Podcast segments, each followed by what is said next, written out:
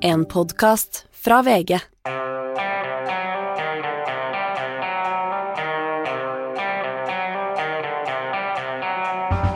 Ikke visste jeg at alle disse dagene som kom og gikk, de var selve uke én.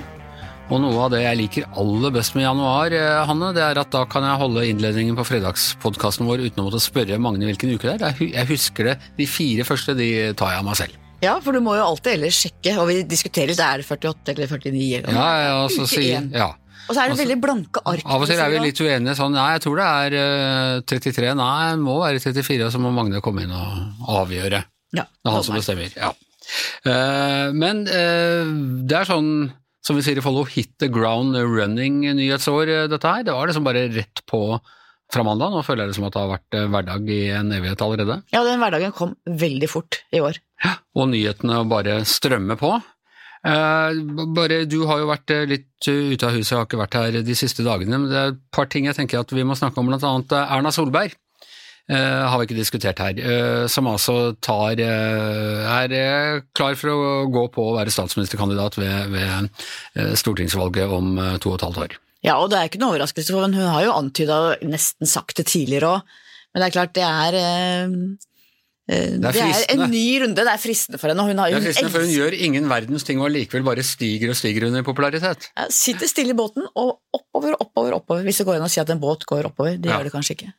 Eh, At en båt, jo, den går jo oppover, men da er den sånn motstrøms, så det er jo ikke egentlig Nei, Hun er veldig medstrøms om dagen. ja. Sier svært lite og gjør det veldig bra. Er det lurt? Eh, Er det lett å la seg forføre av en sånn suksess hvor man egentlig Hun, hun står jo ikke egentlig for noe veldig alternativ politikk, kanskje litt i, på skatt og sånne ting, men, men eh, i bunn og grunn så står hun jo for den samme politikken som regjeringen. Eh, Kan det være sånn at nå er man liksom man er irritert på uh, tidsånden, og så lar man det gå utover de sittende, og så er det ikke sikkert at hun eh, vil kunne cashe inn på det i en valgkamp?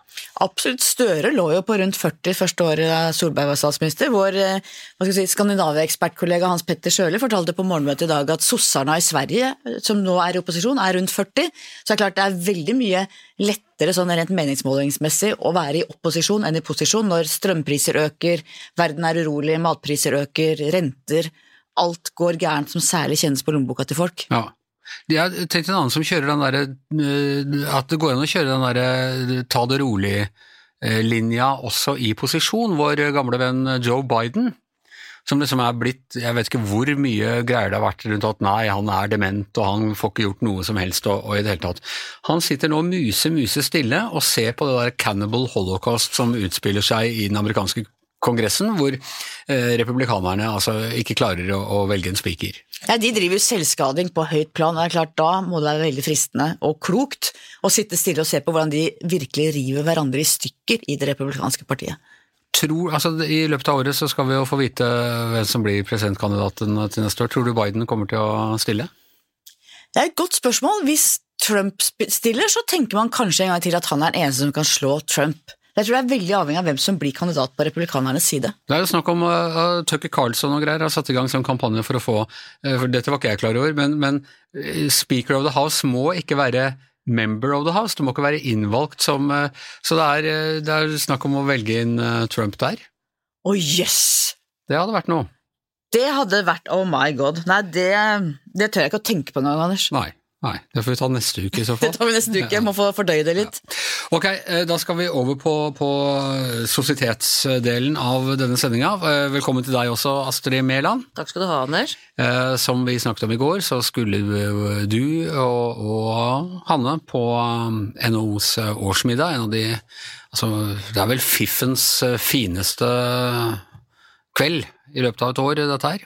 Ja, det er jo med statsminister og statsråder og hele den politiske eliten, pluss næringslivet, da, så det, det er det mange flotte folk. Ja.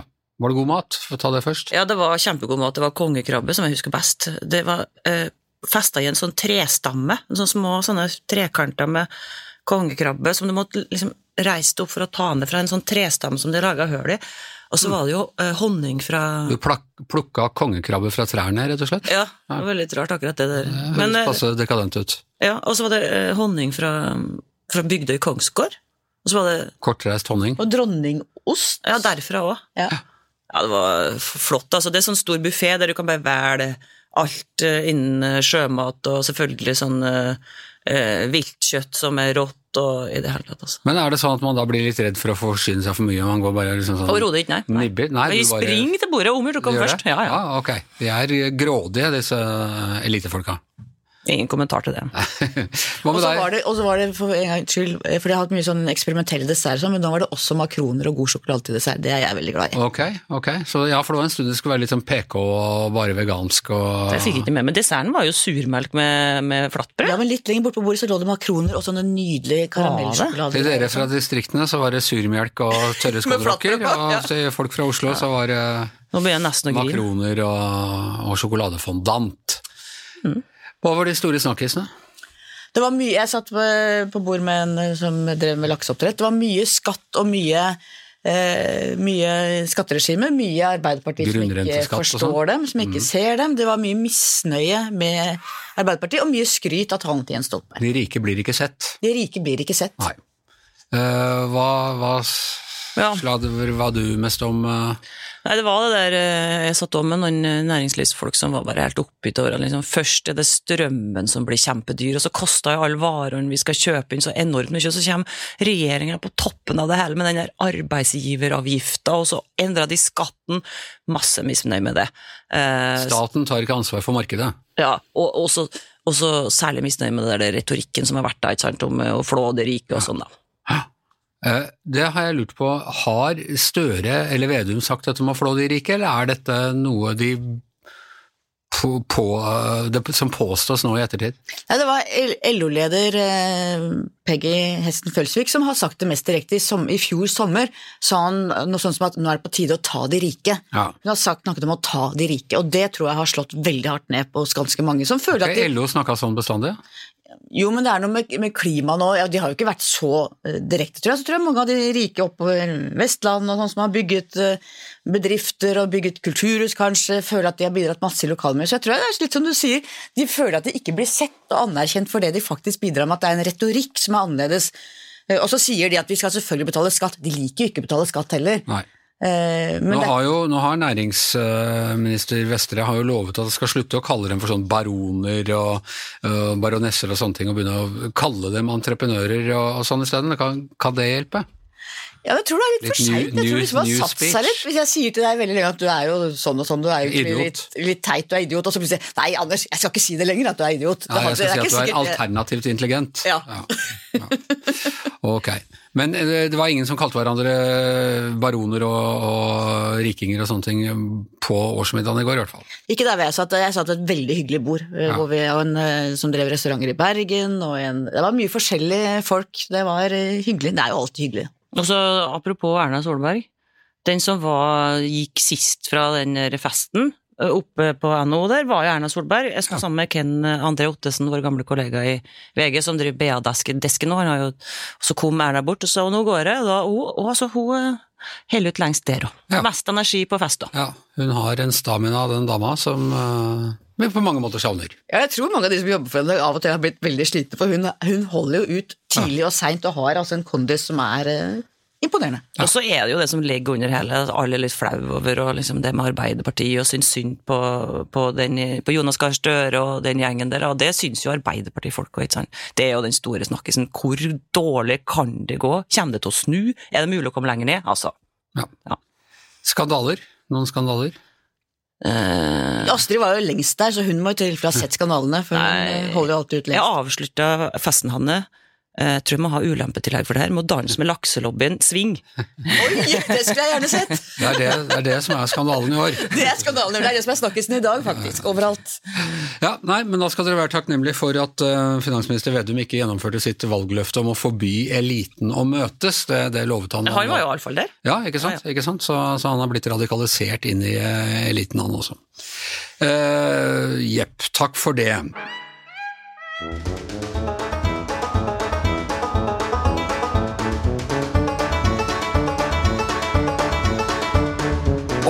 Ok, du hadde rett, Yngve, før jul, da du sa at vi hadde ikke spilt Boris Johnson-melodien eh, for, for eh, siste gang.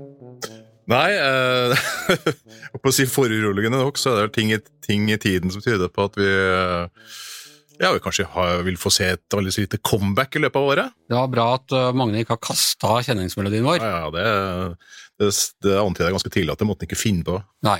Eh, For altså uh, Boris Johnson eh, vi, han fant på så mye rart og tull at vi måtte ha egen kjenningsmelodi til han, inspirert av kjenningsmelodien til The Benny Hill Show, som vi begge Ja. uh, vokste opp med. Uh, så gikk Boris Johnson til slutt av som statsminister. Så kom det en ny statsminister, og så måtte hun gå av, og så kom det en ny statsminister til. Er det ikke egentlig ganske fredelig og rolig rundt han? Jo, det er jo det, vet du, og ting er jo blitt mye roligere, og, og som flere britiske ko- kommentatorer har sagt, at eh, endelig så, så diskuterer man politikk igjen, og ikke bare eh, eskapader og bravader. Eh, Men velgerne er ikke overbevist om at Rishi Sunak og det konservative partiet er det har de politiske løsningene som de trenger akkurat nå. Det er litt som i Norge, vet du, med, med mange, mange ting som skjer samtidig. Det, det er at etterdønninger og covid og er, er eh, Englands Erna Solberg?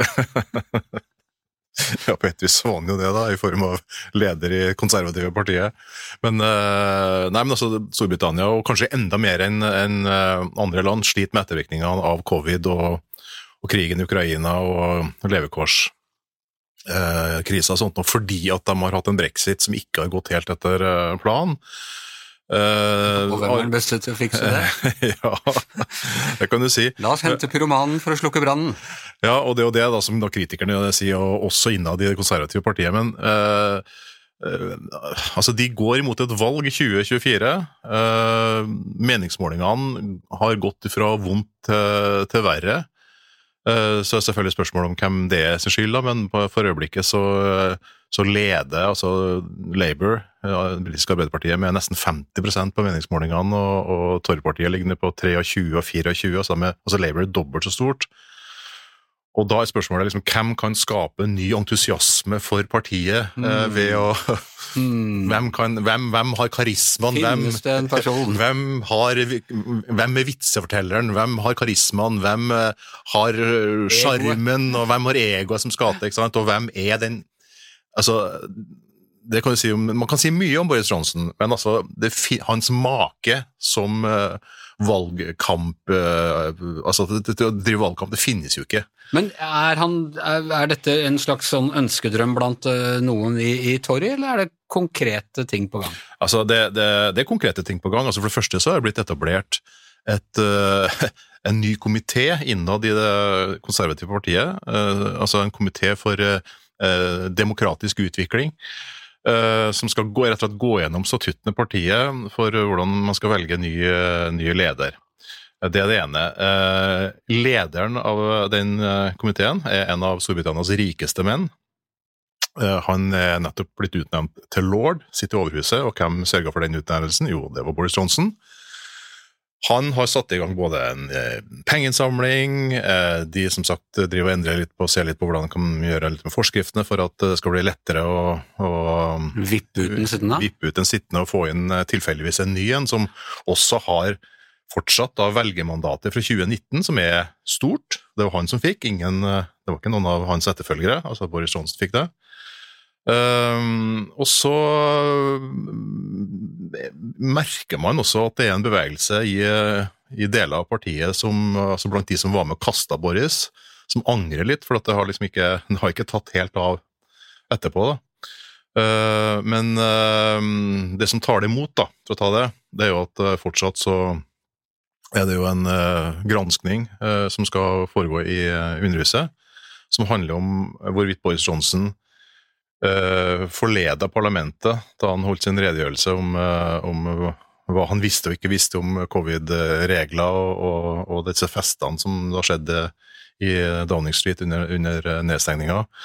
Og der har jo da uh, Labour på en måte lagt en liten sånn felle for den komiteen, som de for så vidt med åpne øyne aksepterte. Og det at Spørsmålet er ikke hvorvidt Boris Johnson bevisst forleda parlamentet, men om han forleda parlamentet da han sa at han ikke kjente til sånn og sånn. Og det siste er jo helt åpenbart at det, altså, han har jo allerede innrømt at han, at han ga feil opplysninger, men at det var av vannvare. så ordet bevisst er ute, og dermed så Ja, så Det var ubevisst i gjerningsøyeblikket. Nettopp. Ja. Så, så, så eh, den på en måte er liksom Den ballen ligger på straffemerket, da, og det er litt usikkert hvordan det der eh, vil slå ut. Men, men det, det kan bety at han eh, da rett og slett blir utvist fra parlamentet. da. Ja, Men kan han, kan han være statsminister når han er utvist fra parlamentet? Altså Teknisk sett så, så kan han jo det, men, eh, men tidligere så altså Det, det er presedens i britisk politikk på at f.eks. folk som har sittet i, eh, i Overhuset og blitt spurt om å være statsminister eh, for et parti, har sagt nei, for det går, det går ikke an å, å lede eh, regjeringa. Sitter han i overhuset? Er han, er Nei, han jeg sitter, adelig? nei, jeg sitter i Underhuset. Ja. Men, men, men altså det å helt tatt å sitte i et annet kammer eller ikke være i Underhuset, det er det som er poenget. Jeg skjønner. Jeg skjønner. Men, men uh, viktigst av alt, er Boris selv med på dette? Er han hypp på å komme tilbake? Driver Det- han med sine schemes and schemes og løper rundt i fortfilm til denne melodien vår? Ja, det, det gjør han. Altså, han, er, han, han har jo la det rent sånn formelt avvist at, han, at den, denne nye komiteen er noe som skal liksom sånn um, At det er noe han skal profitere på. Men det er helt opplagt at han, han er med på dette her. Og skeptikerne i, i, i konservative partiet de er, jo, de er jo såpass redd for den nye komiteen som, som de allerede har døpt den trojanske hesten, som da spiller på sant, myten om eh, som da er et bilde på det at et bakhold da, som kommer innenfra da, og som er, Ja, er ødeleggende. grekere har med seg gaver. Ja. Ja, ja. Så, men uh, er jo hva som skjer nå, det er kommunevalg i mai.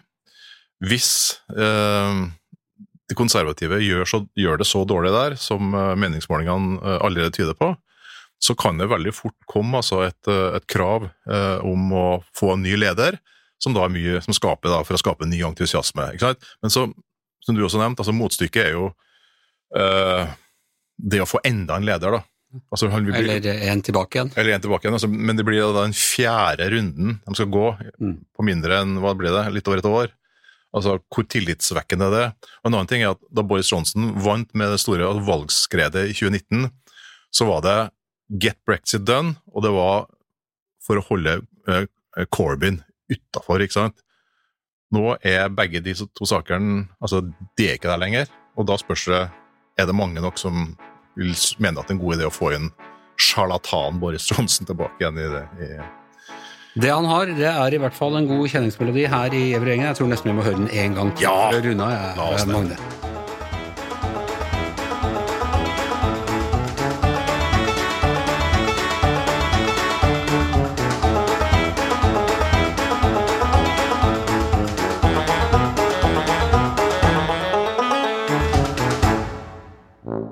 Og da er det på tide å ønske godt nyttår til deg, Roar Hagen. Tusen takk.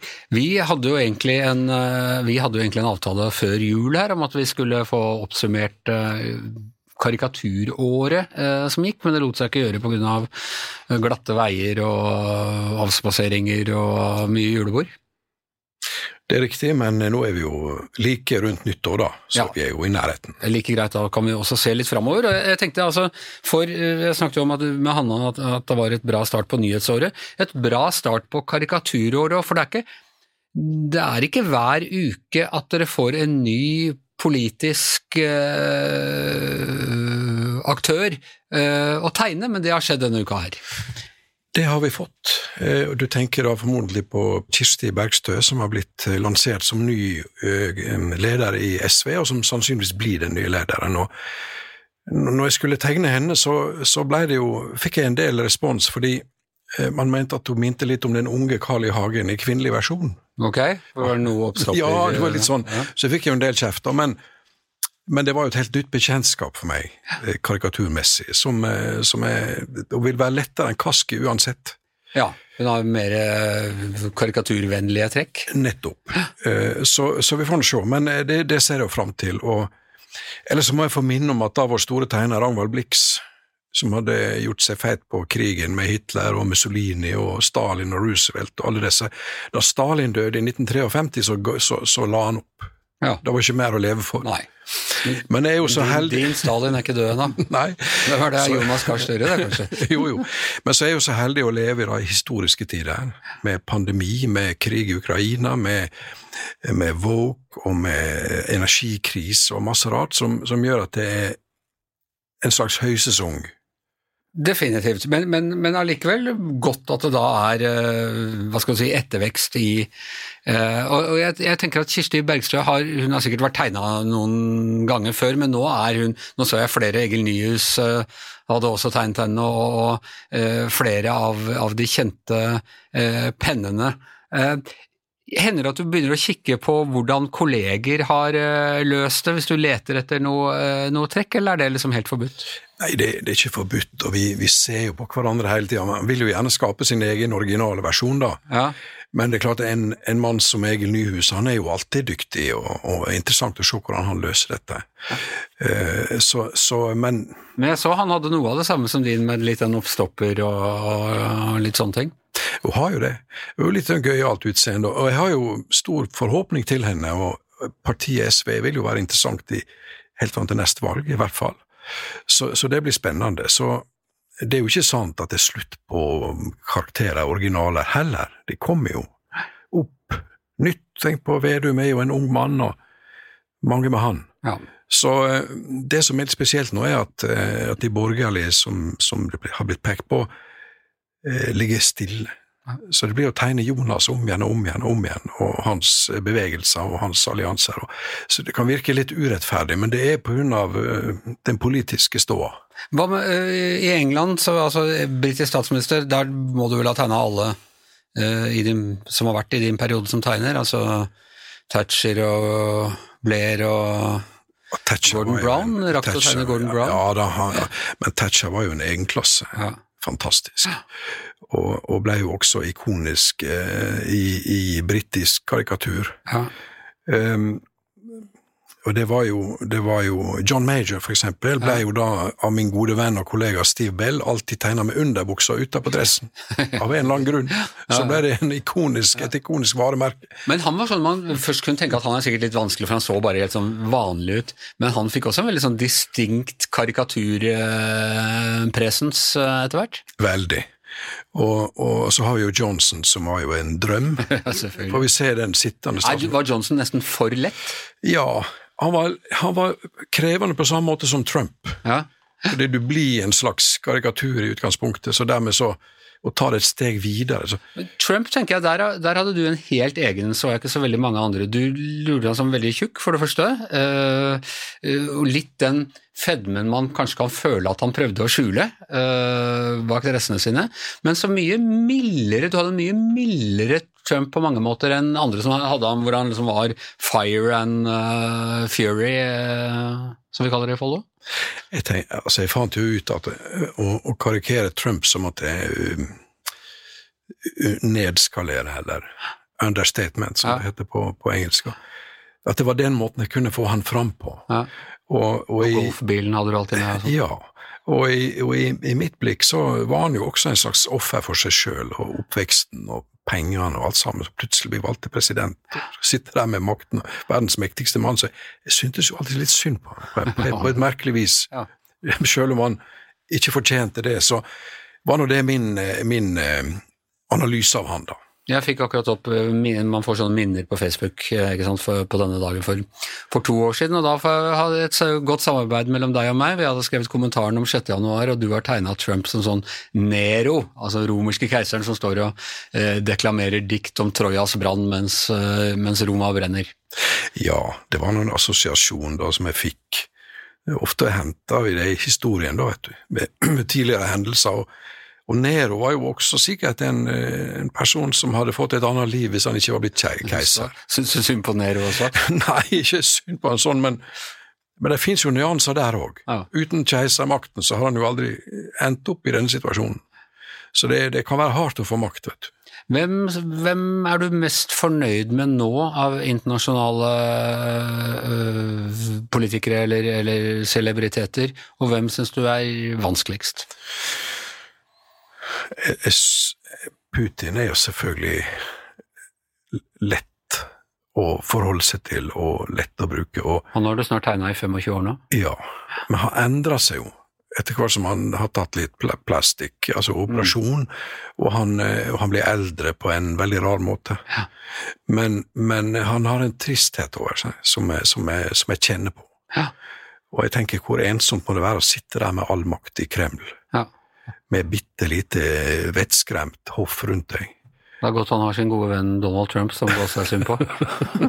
jo, men, men, han er jo på en måte i fengsel, da. Og hvordan skal han komme seg ut? Og Det er jo typisk for uh, tsaren i Russland at det, det, er en veldig farlig situasjon. Og mange har jo blitt uh, drept eller avsatt. Uh, senest Gorbatsjov. Så, så dette er, dette er et, et stort drama som utspiller seg i nabolandet vårt, som, som er ytterst både skremmende og inspirerende for meg. Ja. Det er også stort at det skjer. Og du har, du har god kontroll på Putin? Det syns jeg. Jeg syns jeg har fått til han. Ja. Eh, jeg syns jeg får til Erdogan. Jeg sliter med Macron. Han er kanskje for ung. Uh, Biden er lettest å tegne med munnbind. Av en, han ikke har lagt fra seg Det var kanskje fordi du begynte, han hadde munnbind da du begynte. Ja, så skal jeg ta av munnbindet, så blir det litt vanskelig. Men, eh, men, Biden har jo for så vidt imponert litt, da, med å være tålmodig og gammel klok. Ja. Sitte stille i båten? Fun ja, funka på et vis. Derimot visepresidenten er vanskelig å forholde seg til, vanskelig å tegne, men også Hun er jo nesten usynlig politisk. Usynlig, ja. veldig rart. Jeg hadde jo trodd at hun skulle komme fram, at det skulle bli plass for henne, og her kom opp en ny eh, kvinne, ikke sant, og kanskje en kvinnelig president, men det ser jo virkelig ikke slik ut. Har du begynt å ta noen skisser på DeSantis, han guvernøren i Florida, som ja. mest sannsynlig utfordreren til, til Trump i det republikanske partiet? Ja, Eh, jeg begynte å skisse, men jeg har ennå ikke brukt det. Nei. Fordi han er noe litt ukjent for norske lesere. Og litt sånn glattere i utseendet, liksom? Han har ikke den derre ser ut som en forsikringsmann. Ja. ja. Og, men han kan jo bli spennende, fordi han er jo um, Florida, ikke sant. Han er konservativ. Han er vel kanskje uh, av cubansk uh, eller latinsk Ja, Det er jeg ikke sikker på. Ja. I alle fall navnet. Ja, ja. I, hvert fall fra en uh, latinsk stat. Latinsk, ja. Og det er jo liksom den nye majoriteten i USA kommer mm. jo derfra. Det blir veldig spennende å følge han, og se hva slags, om han kan ta det republikanske partiet inn på tørt land. Han har gått i krig mot Disney fordi de er så woke, så du kan jo legge inn noen Disney-skurkelementer her også? jo, jo, jo. Cruella de Vil, eller? Ja da. Eh, men igjen, det kommer jo an på hvilken form han gir det. Ja. Hvis han gir det en sivilisert form, så kan jo woke også ha godt av å få litt eh, motstand, men, men det gjenstår å se. Jeg er veldig spent på han. Hva med våre nærmeste naboland? Er det noen av eh, Mette Fredriksen, er det noen av de du er godt fornøyd med? Ja, Mette Fredriksen er jo fantastisk, eh, ikonisk nesten. Hun minner jo om en strikt protestantisk prest ja. i sin framtoning. Og, og, der er det jo no shit, altså. I Sverige så har vi jo Eh, statsminister som, som er, går an å tegne, men som ikke er spesielt spennende for meg, da. Nei. Der er jo Åkesson mer spennende på en måte ja. som, som, type, men de jo også, ligger jo også stille i båten. Ja. Og, og, så har ikke blitt det rabalder som vi Men med Jimmy Åkesson er det også fordi det er, du har alle kontroversene og den eh, litt slumrige historien og sånne ting. Når det er sånne ting, så er det på en måte lettere å, å plassere karikaturen et eller annet sted? Det er lettere å hente fram fordommer som du kan bruke og mm. kle han opp med. ikke sant? Og, ja. Så han er jo sånn sett mer behendig. Eh, men, men eh, vi får se. Altså Det som skjer i Sverige er jo, er jo veldig spennende. og dette med Nato og eh, dødsskytningene i Stockholm og alt dette. Så det, på mange plan så er jo Sverige veldig eh, viktig for oss. Du, det eneste jeg kan komme på i farten av av uh, som er operative nå, av politikere som du må ha tegnet lenger enn Putin, det må være Jens Stoltenberg? Han har jeg jo levd med. Han er jo nesten minst samtidige. Ja. Så han eh, kjenner jeg godt og har fulgt han veldig lenge, så Eh, det er, jo, det er, jo, eh, fantastisk at han nå går ut og advarer mot, eh, mot Kina. Jeg husker jo husker godt da han ville ha oss inn på Stokmann-feltet med, med, med, med, brask og bram. Det er ikke så lenge siden. Men han har jo for så vidt tatt sjølkritikk på dette. og Det artig å følge hans uh, utvikling. Det var jo under hans regjering at det skar seg fullstendig med kineserne, selv om det var hans gamle partifelle Jagland som eh, sørget for uh, gjennom Nobelkomiteen. Ja, ja. Nei, altså Jens Stoltenberg er jo en mann som liksom gestalter hele eh, de siste 30 åra, ikke sant. Ja. Og vi har jo hatt og Det til tross for at han er ikke, han er ikke 65 engang, ikke sant? Nei, imponerende karriere, og han er jo veldig lett å like. Og, nei, Han har jeg karikert masse, og det er ikke alt han har likt like godt. Nei. Men han har stort sett tatt det med humør. Han har blitt intervjua flere ganger, han om eh, Stort sett. Det han ikke likte så godt, det var dette reinsdyret som han skjøt, denne tamreinen som han skjøt oppe på, oppe i Rondane. da. Ja. Det var jo ikke så populært. Han likte ikke Han syntes ikke det ligna på den reinen. Ja, men, men eh, sånn, altså, han er veldig sporty, og han skjønner sin rolle, han skjønner min. Ja. Så, så eh, Ja, for jeg vet om et par politikere som har vært litt sårere enn Jens Stoltenberg når det kommer til hvordan du har karikert dem. ja da. Jeg skal nevne navn her. Ja da, det har det, og det kan jo, men det som er da er viktig å forklare, er at når du blir karikert sånn, så er du oppe i eliteserien. Det er en ære å bli parodiert og karikert og sånn. Ja, jeg har jo blitt eh, oppsøkt med, med, med gave for å bli, for å bli tegna. Var- kom en politiker her med en flaske konjakk og ville hvis jeg bare ville være så snill ja. ha med repertoaret. Jeg har jo hatt det som et av mine store privilegier i karrieren å ha opptil flere øh, karikaturtegninger som du har laget av meg, og det pryder jo også logoen på denne podkasten, faktisk. Men der er det ikke karikatur, der har du tegnet meg som en riktig smukk liten øh, konfirmant. Det var fordi at eh, desken ville ha en mer sånn den type. Men, For den forrige var ikke så Der var jeg mer sånn anorektisk ringeren i Notre-Dame. ja, men du vet, du og meg, vi eldes jo sammen. Vi gjør det, vi gjør det, så vi kan speile hverandre i, Vi får i ta det med humør. Ja. Så ja. Ok. eh, noen du har håp om eh, i løpet av året, som eh, Du vet, bransjen min den er jo slik at dess mer dramatikk, dess bedre. Som privatperson så ønsker jeg jo fred på jord.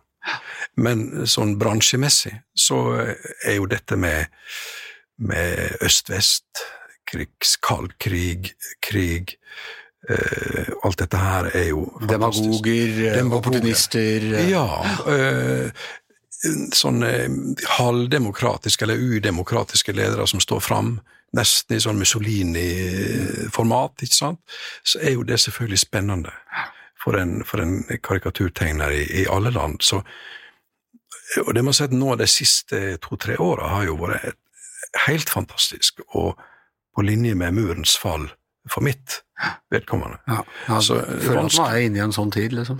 Vanskelig å pensjonere seg. Bare at i murens fall var en positiv greie nå. Jo, jo, jo.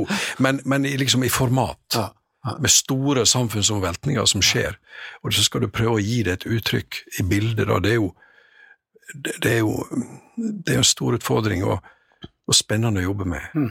Bare gi det et format som er forståelig.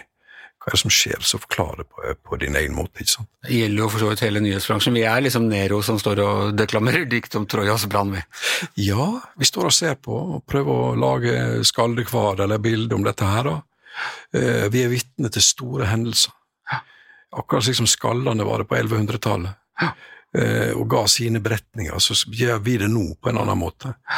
Så vi er jo en slags eh, skalder, vet du, som, eh, som skal på en måte fange essensen i det. Vi skriver vår tids soger, for å si det litt Vi prøver i hvert fall. Ja, og du er da er Erik Wernskjold i Ja, det var nå et veldig kompliment, men det er nå det vi prøver å få til, da, eh, i vårt lille bidrag til, til eh, hendelsene. Og det må jeg bare understreke at det er veldig eh, takknemlig for å holde på med. Og det skal du, jeg er temmelig sikker på at du skal få holde på med i mange år eh, til, Roar, og du kommer ikke til å slippe opp for verken temaer eller figurer. Tusen takk skal du ha. Takk sjøl. Da skal vi straks eh, runde av, men eh, Hanne, for det første, hva skal du skrive om i morgen? Eh, Jeg skal skrive om, litt om de fattige og litt om de rike. Ja. Eh, Begge de to ganske små gruppene, eh, færre rike enn fattige, tror jeg, men de føler begge at de ikke blir sett av regjeringen. Ja, Som vi snakket om her ved begynnelsen, de fattige føler også at de, de ikke blir sett. Det er ganske mye fokus på de fattige for tiden. Ja, og jeg tenker at vi kanskje har litt, eh, ikke feil fokus, men, men det som har drukta litt, føler jeg, er fra, særlig fra Arbeiderpartiet og arbeiderbevegelsen, at arbeidslinja, det må lønne seg å jobbe, at det snakker man for lite om. Perspektivmeldinga, som jo sier at i åra framover, enten så må vi betale mer skatt, eller så må vi jobbe mer, eller så må vi kutte i velferden. Og da er det beste alternativet at flere jobber litt mer. Ja, Men er ikke, er ikke sysselsettinga liksom helt på bristepunktet? Er det mulig å presse flere inn i arbeidslivet? Ja, har jo, det har jo økt med 110 000 nye arbeidsplasser i løpet av, fjoråret, og det er et veldig stramt arbeidsmarked nå. Det er klart, Nå står vi jo kanskje overfor litt røffere tider, og vi har også en veldig høy andel eh, uføretrygdede. Og vi skal tenke at veldig mange av de er jo faktisk syke og kan ikke jobbe, men det er en sånn terskel hvor kanskje noen kunne ha jobbet, noen kunne ha jobbet noe, altså det å legge til rette for at også de som er Men er det, er det sunt for økonomien hvis du begynner å ta av uførebunken og dytte inn i arbeidslivet? Akkurat nå, som du sier, er det ikke noe særlig ledighet, men det er klart på sikt, og det at det, det har en egenverdi å jobbe òg. Du må ha mekanismer som gjør at det er oppmuntring til å gå ut i arbeidslivet for de som kan, og ordninger som er gode nok til at de som ikke kan jobbe, faktisk kan leve et godt liv. Ok, eh, så må vi høre hva du skal snakke om i podkasten din. Da har jeg hatt direktøren for Folkehelseinstituttet, Camilla Stoltenberg, på besøk. Vi snakker om pandemi, ikke så mye om covid, egentlig, den er- føler i hvert fall jeg at jeg er litt lei av, men mer om pandemier i det store bildet. Historisk, svartedauden, hva betyr pandemier for verdens sikkerhet, for matvaresituasjonen, for det store bildet. Jeg syns det var en veldig fin samtale. Ok, da er det nok å høre på i helgen mens vi eh, ellers har pause, og dermed så er Gjevrud-gjengen over for i dag. Eh, Tusen takk til Hanne Skartvedt, tusen takk til eh, Astrid Mæland, tusen takk til Yngve Kvistad, tusen takk til Roar Hagen. Jeg heter Anders Giæver, og mannen som ikke lar seg karikere, er som vanlig vår produsent Magne Antonsen. Du har hørt en podkast fra VG. Ansvarlig redaktør, Gard Steiro.